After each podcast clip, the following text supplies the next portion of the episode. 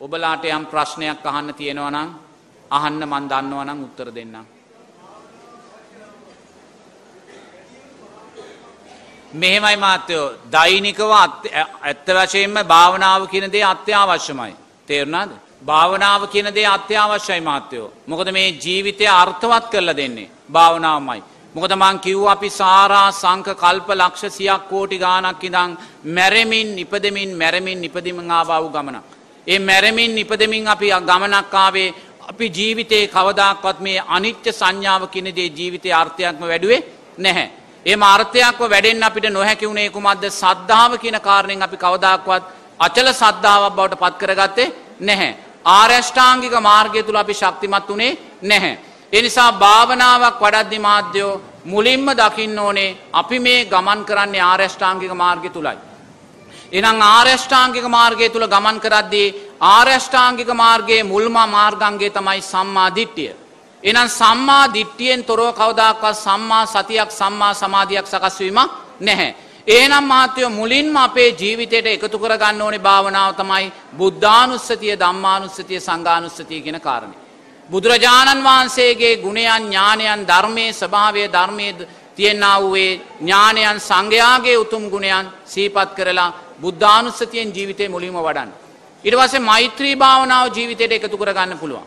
ඊට පස්සේ මාත්‍යයෝ ආනාපාන සතිය වගේ භාවනාවක් තමන්ට පුරුදු කරන්න පුළුවන් මේ විශේෂයෙන්ම වටිනාකම තියන්නේ මේ අනිත්‍ය සංඥාව ජීවිතයට එකතු කර ගැනීම තුළයි.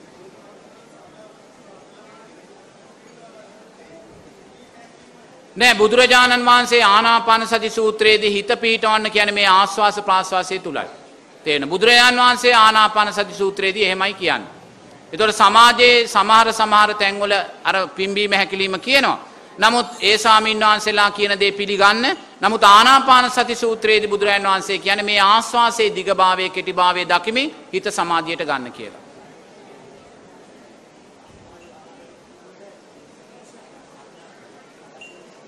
මස්මහලු මෙහෙමයි බුදුරජාණන් වහන්සේ මහත්තයෝ දැන් අපේ පෞද්ගලික මතයක් අපිට ධර්මය ප්‍රකාශ කරන්න බැහැ. තේරනාද. මට මට කවරුවරි දානයක් පූජා කරනවා නම් මං කැමති ඒක නිර්මාංශෝ දෙනවන. තේරනාද මොකද මස්මාලු කෑම නිසා ශරීරයේ ලෙඩ රෝග හැදෙනවා යම් යම් ප්‍රශ්න ගැටලුත් පවතිනවා. එනිස් නමුත් මහත්වය බුදුරජාණන් වහන්සේ කියපු ධර්මයයි අපි දේශනා කරන්නවා. දෙන්න බුදුරජාණන් වහන්සේ කියන්නේ මාත්‍යය හුදු පින කියන තැන අපිෝ නතර කරන්න අපපු ශාස්තුන් වහන්සේ කෙනෙක් නෙමේ. පින කියන තැන දේශනා කරන්න ක්‍රිස්තුස් වහන්සේ ඉන්න අල්ලාතුමා ඉන්න ඒගොලු පින ගැන දේශනා කරනවා. බුදුරජාණන් වහන්සේ සාරා සංක කල්ප ලක්ෂගානක් පාරමීදම් පුරාගෙන එන්නේ මේ හුදු කියෙන් හුදු පින කියන තැන අපිෝ නතර කළ තියන්න නෙමේ. තේන්නත්. එතෝට සත්ව සංඥාව කරෙයි සත්වයා කරේ අපි ඒ කරුණාව සකස් කරගත්තොත් පින කියන කාරණය තියෙනවා. කිසි ප්‍රශ්නයක් නෑ. නමුත් බුදුරජාණන් වහන්සේ සාරා සංක කල්ප ලක්ෂගානක් පෙරුම් පුරන්නේ පින කියන තැන අපිෝ නවත්තන්න නෙමේ මාත්‍යයෝ. මේ පින කියන සංස්කාරයක් විනිවිධ දකිමින්. තේනත් අපිට විදර්ශනානුවන සකස් කරගන්නයි බුදුරජාණන් වහන්සේ අපිට පාර්කයන්. එතනදී බුදුරජාණන් වහන්සේ කොතනකවත් කියන්නේ නෑ මස්මාලු කන්න කියලා බුදුරජාණන් වහන්සේ අපිට කියන්නේ නෑ. මස්මාලු කන්න එපා කියලත් බුදුරජාණන් වහන්සේ කියන්නේ නෑ. කැමති කෙනෙක් කන්න අකමැති කෙනෙක් නොකංගන්න. කැමති කෙනෙක් ස්වාමීන් වහන්සේලාට මස්මාලු පූජා කරන්න අකමති කෙනෙක් පූජා නොකරන්න. කිසිම ස්වාමීන් වහන්සේට මට මස්මාලු ඕනෙ කියලා කටින් ඉල්ලන්න බැහැ. එහෙම ඉල්ලනෝනම් ඒක ස්වාමීන් වහන්සේගේ දුර්වලතාවයක් බුදුරජාන් වහන්සේගේ ප්‍රශ්නයක් නෙමේ. එහෙමනම් මහත්තයෝ අපි මේ ධර්මතාවය තුළින් බුදුරජාන් වහන්සේ අපිව පින කියන තැන කොටු කරන්න නෙමේ හදන්නේ විදර්ශනා ප්‍රඥාව කියන කාරණය ඇති කරන්න. මන් දැම් මෙතන දානය වලදනවා. වලදන වෙලාවෙ දැම් මෙතන මාළු කෑල්ලක් තියෙනවා. මහත්තයා නිර්මාංශ කෙනෙක්. මහත්තයා මට ඇවිල්ල කියනවා හාමුදුරනේ හාමුදුරුව වරදක්නේ කරන්නේ. මේ මස්මාංස හාමුදුරුව වලඳනවන කියලා. එතකොට මං කියනවා මහත්තයෝ පුත් මහත්තයෝ මෙතන මැරිච්ච සතෙක් නැහැ. මේ මාළුවා මේ වෙලාවේ දෙවියෙක් වෙලා ඉපදිලා ඉන්න පුළුවන්. මේ මාළුවා මේ වෙලාවේ මනුස්සෙක් වෙලා ඉපදිලා ඉන්න පුළුවන්. මේ මාළුවා මේ වෙලාවේ මාළුවෙක් වෙලා ඉපදිලා ඉන්න පුළුවන්. එහෙනම් මාත්‍යයෝ අපි මේ රණ්ඩු වෙන්නේ කොේ හරි ඉපදිලා ඉන්න සතෙක් වෙනුවෙන්. මේ සතා මේ වෙලාවේ කොේ හරි ඉපදිලා ඉන්නේ. තේරනාද එතකොට මහත්‍යය ඊළඟට අනුව නෑ හාමුදුරුවනේ. මෙතන දැලකට අව්වෙලා මැරිච්ච මාළුවෙක් ඉන්නවානි. ඔහු ඉන්නවා. ඒ දැලට ඒ මාළුවා අහු කරගත්ත කෙනාට ප්‍රාණඝාත අකුසලයේ තියෙනවා. කිසි ප්‍රශ්නයක් නැහැ. දෙන. නමුත් ඒ මාළුවා දැලට අහුනේ එයාගේ සංස්කාරයන් නිසයි මාත්‍යයෝ. සමහර දරුවෝ ඉන්නවා මව්කුසේදීම මැරෙනවා. සමහර දරුවෝ ඉන්නවා ඉපදෙන්නේ යන මොහොතේදී මැරෙනවා. සමහර දරුවෝ ඉන්නවා අවුරුද්දක් දෙකක් තුනක් හතරක් පහක් ගිහිල්ලා මැරෙනවා. ඒ දරුවාගේ සංස්කාර. නැතුව දොස්තර මහත්තයාගේ වරදවත් රෝහලේ වරදවත් ඒ යාගේ සංස්කාර මාත්‍යය.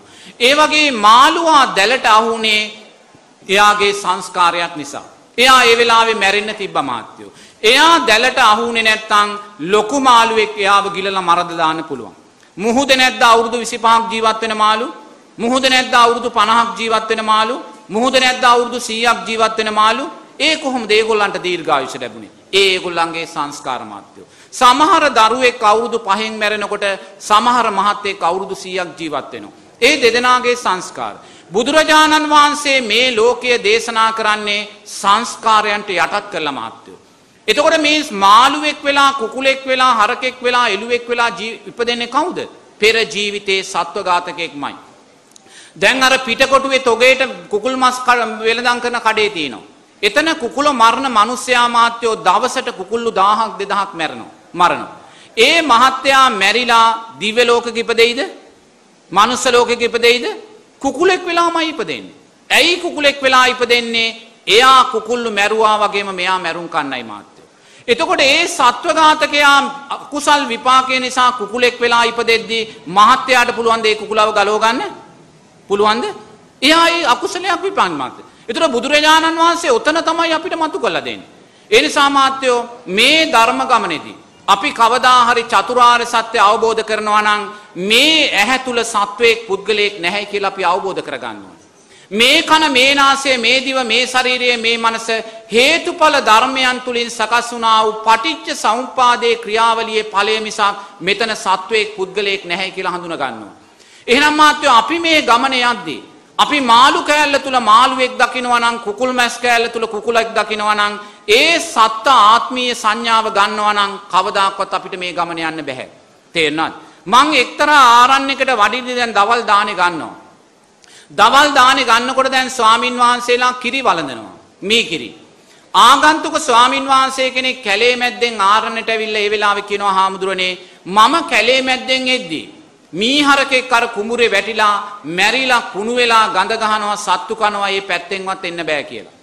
එහෙම මීහරක ගැන කියනකොට අර කිරි වළඳ වළඳ හිටිය ආබුදුරෝ ඉක්කේය කියලා කිරියක පැත්තකින් තිබ්බා. මී කිරි කෝප්පේ තුලත් මීහරකෙක් දැක්කා. ඕක තමයි ආත්මීය සංඥාව කියන්නේ මහත්තයෝ.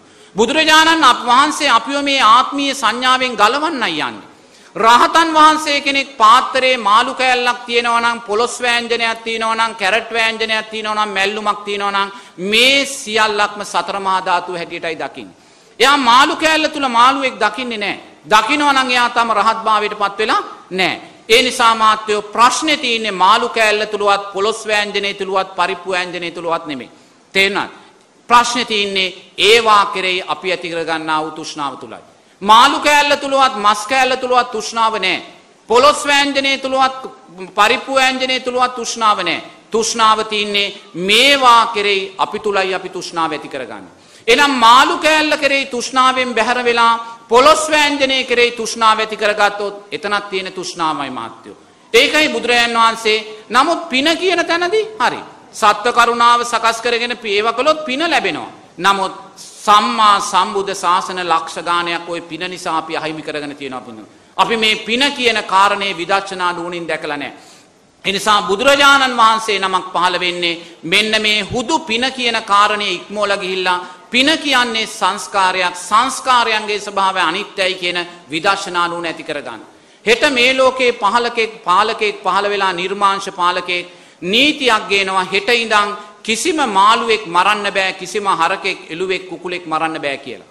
අවුරුද්දක් යනකොට මහත්තයෝ සත්ව ගහනය මනුස්ස ගහනය ඉක්මෝල ගිහිල්ලා විසබීජ පැතිරිලා මේ මුළු මනුස්ස ගහනෙම නැතිවෙලා එනවා මහත්තයෝ. එහෙනම් ඒක ලෝකේ කවදාක්වත් වෙන්න බෑ. නමුත් අපිට කියන්න පුළුවන් එහෙම කරන්න පුළුවන් කියලා. නමුත් ඒක ලෝකේ යථාර්ථයක් වෙන්නේ නැහැ කවදාකවත් මහත්තයෝ. ඒ නිසා තිරිසන් සතෙක් වෙලා ඉපදෙන්නේ එයාගේ අකුසල් නිසාමයි. බල්ලෙක් වෙලා ඌරෙක් වෙලා හරකෙක් වෙලා කුකුලෙක් වෙලා ඉපැන්නෙන්නේ දැන් ඔය දෙමට ගොඩ හරක් මස් කඩන කඩේ මිනිස්සයා එක දවසකට හරක් දහ දෙනෙක් විතර මරනවා. මේ මිනිස්සයා මැරෙන වෙලාවෙම හරකෙක් වෙලාමයි උප්පත්තිය ලබන්නේ. ඇයි මැරුම් කන්න මහත්තයෝ. එහෙනම් අපිට ඒ හරකාව ගලවන්න පුළුවන්ද? අපි ගලවනවා කියන්නේ සංස්කාරයන් ගලවන්න යනවා. සංස්කාරයන් ගලවන්න අපිට බෑ මාත්‍යයෝ. සංස්කාරයන් තමයි ලෝකයේ ඵලය. සංස්කාරයන් මතයි ලෝකයේ ක්‍රියාත්මක වෙන්නේ. ඒ නිසා අපි සංස්කාරයන් නවත්තන්න යනවා නම් අපි තුල මෝහයමයි වැඩෙන්නේ. මහත්තයා කුකුල් මස් කඩේට ගිහිල්ලා ඒ කුකුලා මරන්න එපා කියලා ගෙදර අරන් එනවා. කූඩුවේ දාලා හදනවා. දවස් 45ක් යනකොට ඒ කුකුලා මැරිලා යනවා. එයා මැරිලා ආයිමත් ගිහලා කුකුල් බිත්තරයකමයි ඉපදෙන්නේ. මාර්යා මහත්තයා බේරුවද? ඔතන තමයි මෝහය කියන්නේ මහත්තයෝ. එහෙමනම් කැමතිනම් කන්න. අකමැතිනම් නොකා ඉන්න. කැමතිනම් පූජා කරන්න, අකමැතිනම් පූජා නොකර ඉන්න. මම නම් වැඩියම කැමති නිර්මාංශව ඉන්න. නමුත් බුදුරජාන් වහන්සේ අපිට කියලා තියෙන ධර්මය අපි කියන්න ඕනේ. මොකද පුතේ? ඈ මොකද වුණා? ඈ? ඔව්.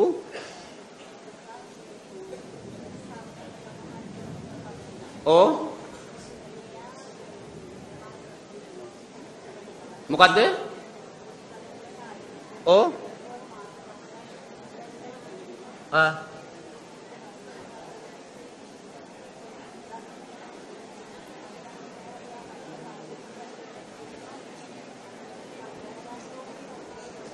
ඒක අනේ එහෙම කියන්න අපි දන්නේ තේරුණාද? ඒ කෙනෙක් ජීවතුන් අතර ඉන්නවද නැද්ද කියලා කියන්න මට කියන්න බෑ පුතේ. ඒක කියන්න මම දන්නේ හොඳේ මොකක් හරි සිද්ධ වුණා නම් ඒක හේතුඵල ධර්මයක් අනුවයි සිද්ධ වෙන්නේ. තේරුණාද?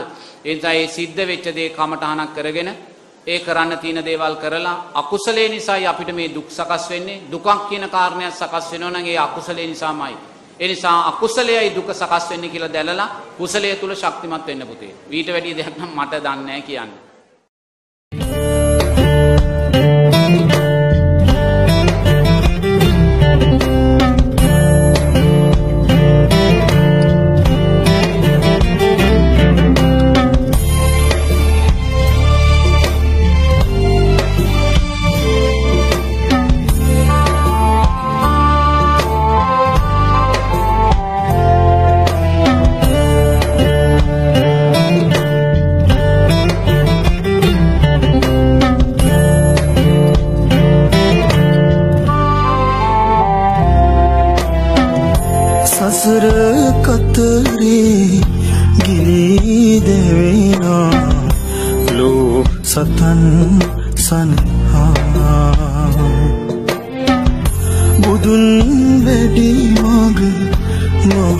රහත් මග අතනුහැර වඩිනා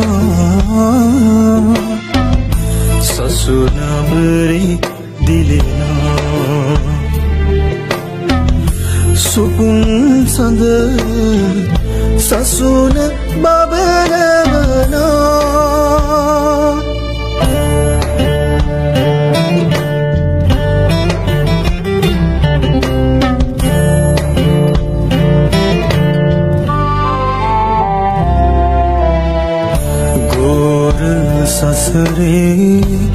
කන සන්ත භවයේ දුක කියනා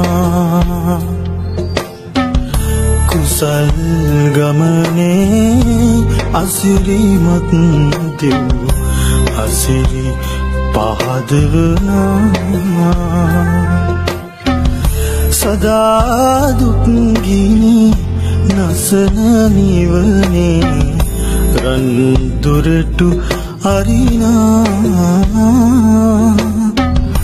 නුඹය අප දුඩු උදුපුටුන් හිමි කෙලෙසුන්දම් බිඳිනා. ඇත හිමයක නිසල අරණක පවුදම් වඩනා. හා අපේ බනපද නිවයි අප හඳ දම් සිසිල තවරා. සදා දුක්දිනි නසන නිවනේ රන් දුරටු අරිනා.